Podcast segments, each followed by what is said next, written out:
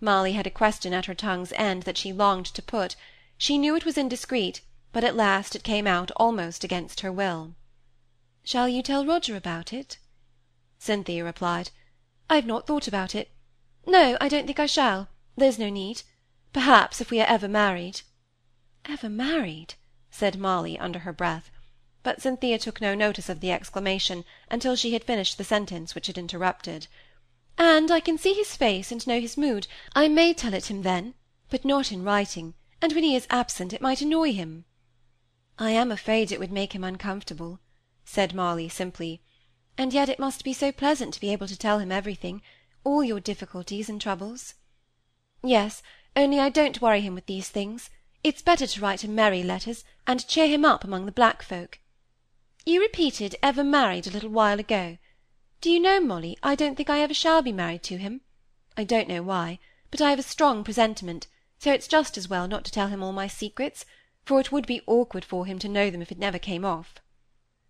Molly dropped her work and sat silent, looking into the future.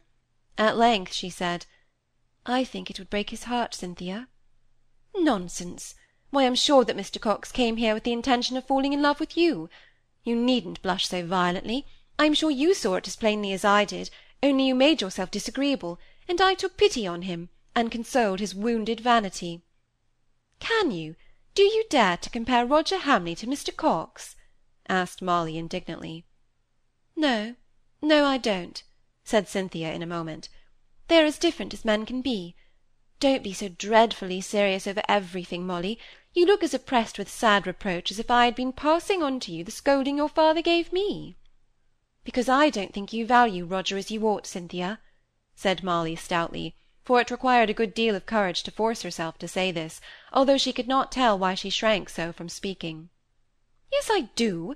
It's not in my nature to go into ecstasies, and I don't suppose I shall ever be what people call in love.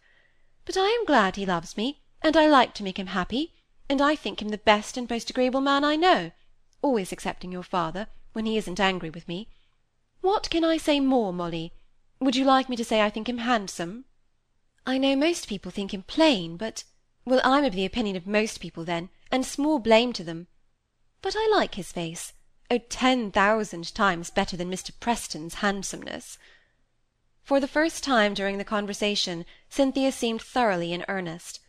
Why Mr. Preston was introduced neither she nor Molly knew; it came up and out by a sudden impulse; but a fierce look came into the eyes, and the soft lips contracted themselves as Cynthia named his name.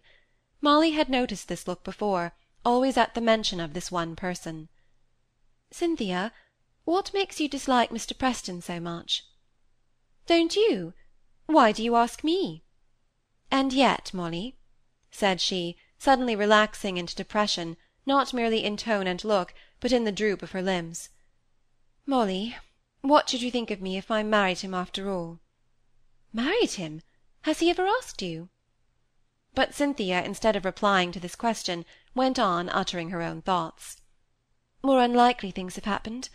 Have you never heard of strong wills mesmerizing weaker ones into submission? One of the girls at Madame Lefebvre's went out as a governess to a Russian family who lived near Moscow. I sometimes think I'll write to her to find me a situation in Russia, just to get out of the daily chance of seeing that man. But sometimes you seem quite intimate with him, and talk to him. How can I help it? said Cynthia impatiently. Then recovering herself, she added, We knew him so well at Ashcombe, and he's not a man to be easily thrown off, I can tell you. I must be civil to him. It's not from liking, and he knows it's not, for I've told him so. However, we won't talk about him. I don't know how he came to do it, I'm sure. The mere fact of his existence and of his being within half a mile of us is bad enough. Oh, I wish Roger was at home, and rich, and could marry me at once, and carry me away from that man. If I'd thought of it, I really believe I would have taken poor red-haired Mr. Coxe. I don't understand it at all, said Molly. I dislike Mr. Preston, but I should never think of taking such violent steps as you speak of, to get away from the neighbourhood in which he lives. No, because you are a reasonable little darling, said Cynthia, resuming her usual manner, and coming up to Molly and kissing her. At least you'll acknowledge that I'm a good hater. Yes, but I still don't understand it. Oh, never mind.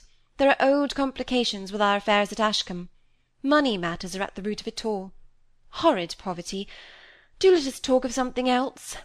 Or better still, let me go and finish my letter to Roger, or I shall be too late for the African mail.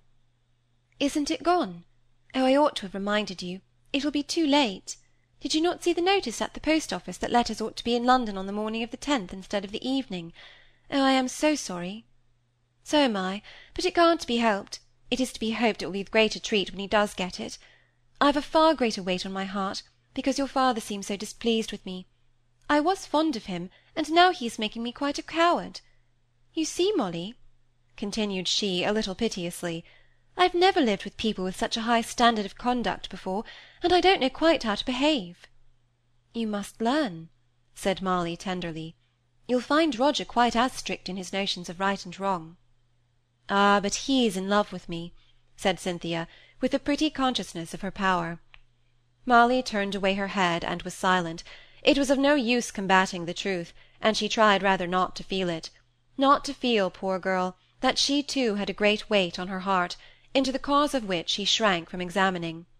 That whole winter long she had felt as if her sun was all shrouded over with grey mist, and could no longer shine brightly for her.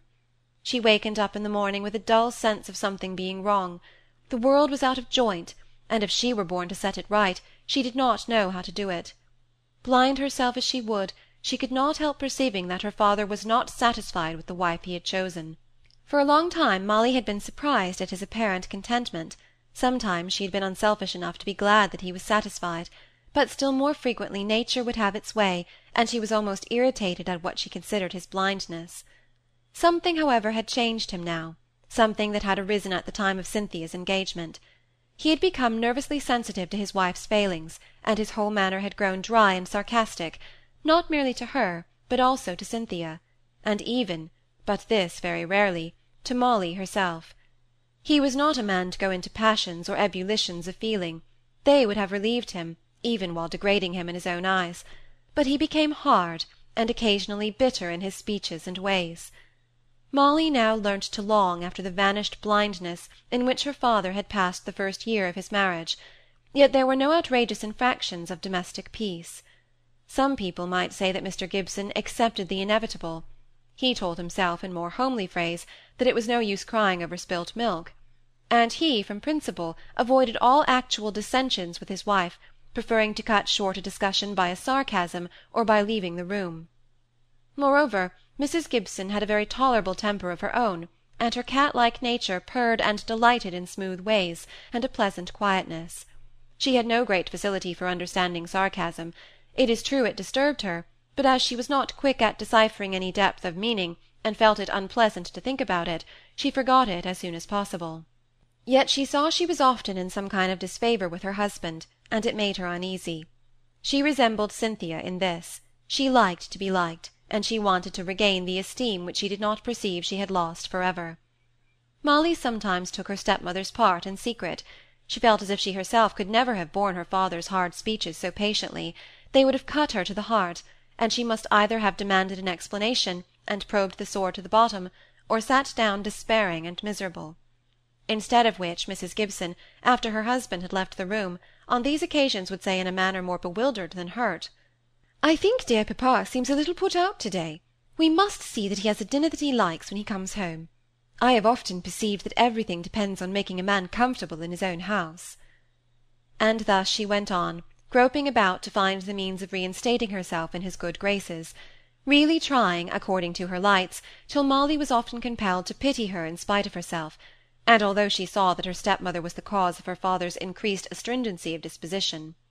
For indeed he had got into that kind of exaggerated susceptibility with regard to his wife's faults which may best be typified by the state of bodily irritation that is produced by the constant recurrence of any particular noise those who are brought within hearing of it are apt to be always on the watch for the repetition if they are once made to notice it and are in an irritable state of nerves so that poor molly had not passed a cheerful winter independently of any private sorrows that she might have in her own heart she did not look well either.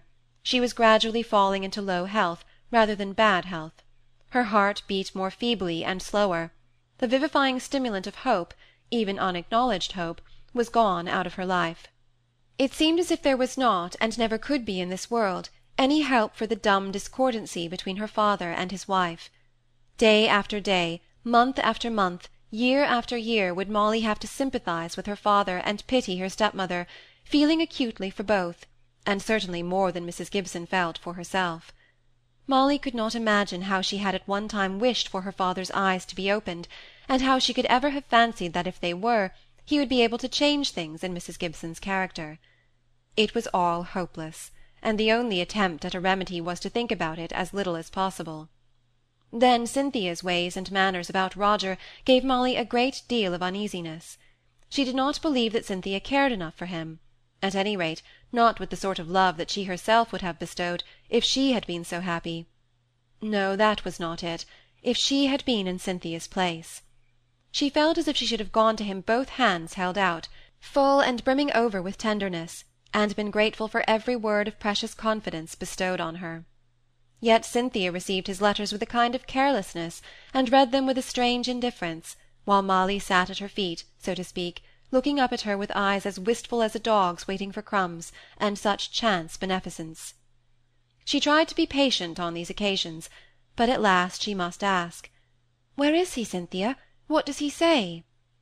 By this time Cynthia had put down the letter on the table by her, smiling a little from time to time, as she remembered the loving compliments it contained. "Where? Oh, I didn't look exactly. Somewhere in Abyssinia. Huon. I can't read the word, and it doesn't much signify, for it would give me no idea." "Is he well?" asked greedy Molly. "Yes, now. He has had a slight touch of fever, he says, but it's all over now, and he hopes he is getting acclimatized." "A fever! And who took care of him? He would want nursing, and so far from home. Oh, Cynthia!" "Oh, I don't fancy he had any nursing, poor fellow. One doesn't expect nursing and hospitals and doctors in Abyssinia. But he had plenty of quinine with him, and I suppose that is the best specific. At any rate, he says he is quite well now." Molly sat silent for a minute or two. "What is the date of the letter, Cynthia?" "I didn't look. December the December the tenth." "That's nearly two months ago," said Molly. "Yes, but I determined I wouldn't worry myself with useless anxiety when he went away, if anything did go wrong, you know," said Cynthia, using a euphemism for death, as most people do. It is an ugly word to speak plain out in the midst of life. It would be all over before I even heard of his illness, and I could be of no use to him. Could I, Molly? No, I dare say it is all very true, only I should think the squire could not take it so easily. I always write him a little note when I hear from Roger, but I don't think I'll name this touch of fever. Shall I, Molly? I don't know, said Molly. People say one ought, but I almost wish I hadn't heard it. Please, does he say anything else that I may hear? Oh, lovers' letters are so silly, and I think this is sillier than usual, said Cynthia, looking over her letter again. Here's a piece you may read, from that line to that, indicating two places. I haven't read it myself, for it looked dullish, all about Aristotle and Pliny, and I want to get this bonnet cap made up before we go out to pay our calls. Molly took the letter, the thought crossing her mind that he had touched it, had had his hands upon it in those far distant desert lands, where he might be lost to sight and to any human knowledge of his fate. Even now her pretty brown fingers almost caressed the flimsy paper with their delicacy of touch as she read. She saw references made to books, which with a little trouble would be accessible to her here in Hollingford. Perhaps the details and the references would make the letter dull and dry to some people, but not to her, thanks to his former teaching and the interest he had excited in her for his pursuits. But, as he said in apology, what had he to write about in that savage land but his love, and his researches, and travels? There was no society, no gaiety, no new books to write about, no gossip in Abyssinian wilds. Molly was not in strong health, and perhaps this made her a little fanciful, but certain it is that her thoughts by day and her dreams by night were haunted by the idea of Roger lying ill and untended in those savage lands. Her constant prayer, "O my lord, give her the living child, and in no wise slay it," came from a heart as true as that of the real mother in King Solomon's judgment. "Let him live, let him live, even though I may never set eyes upon him again. Have pity upon his father grant that he may come home safe, and live happily with her whom he loves so tenderly, so tenderly, O God!" and then she would burst into tears, and drop asleep at last, sobbing.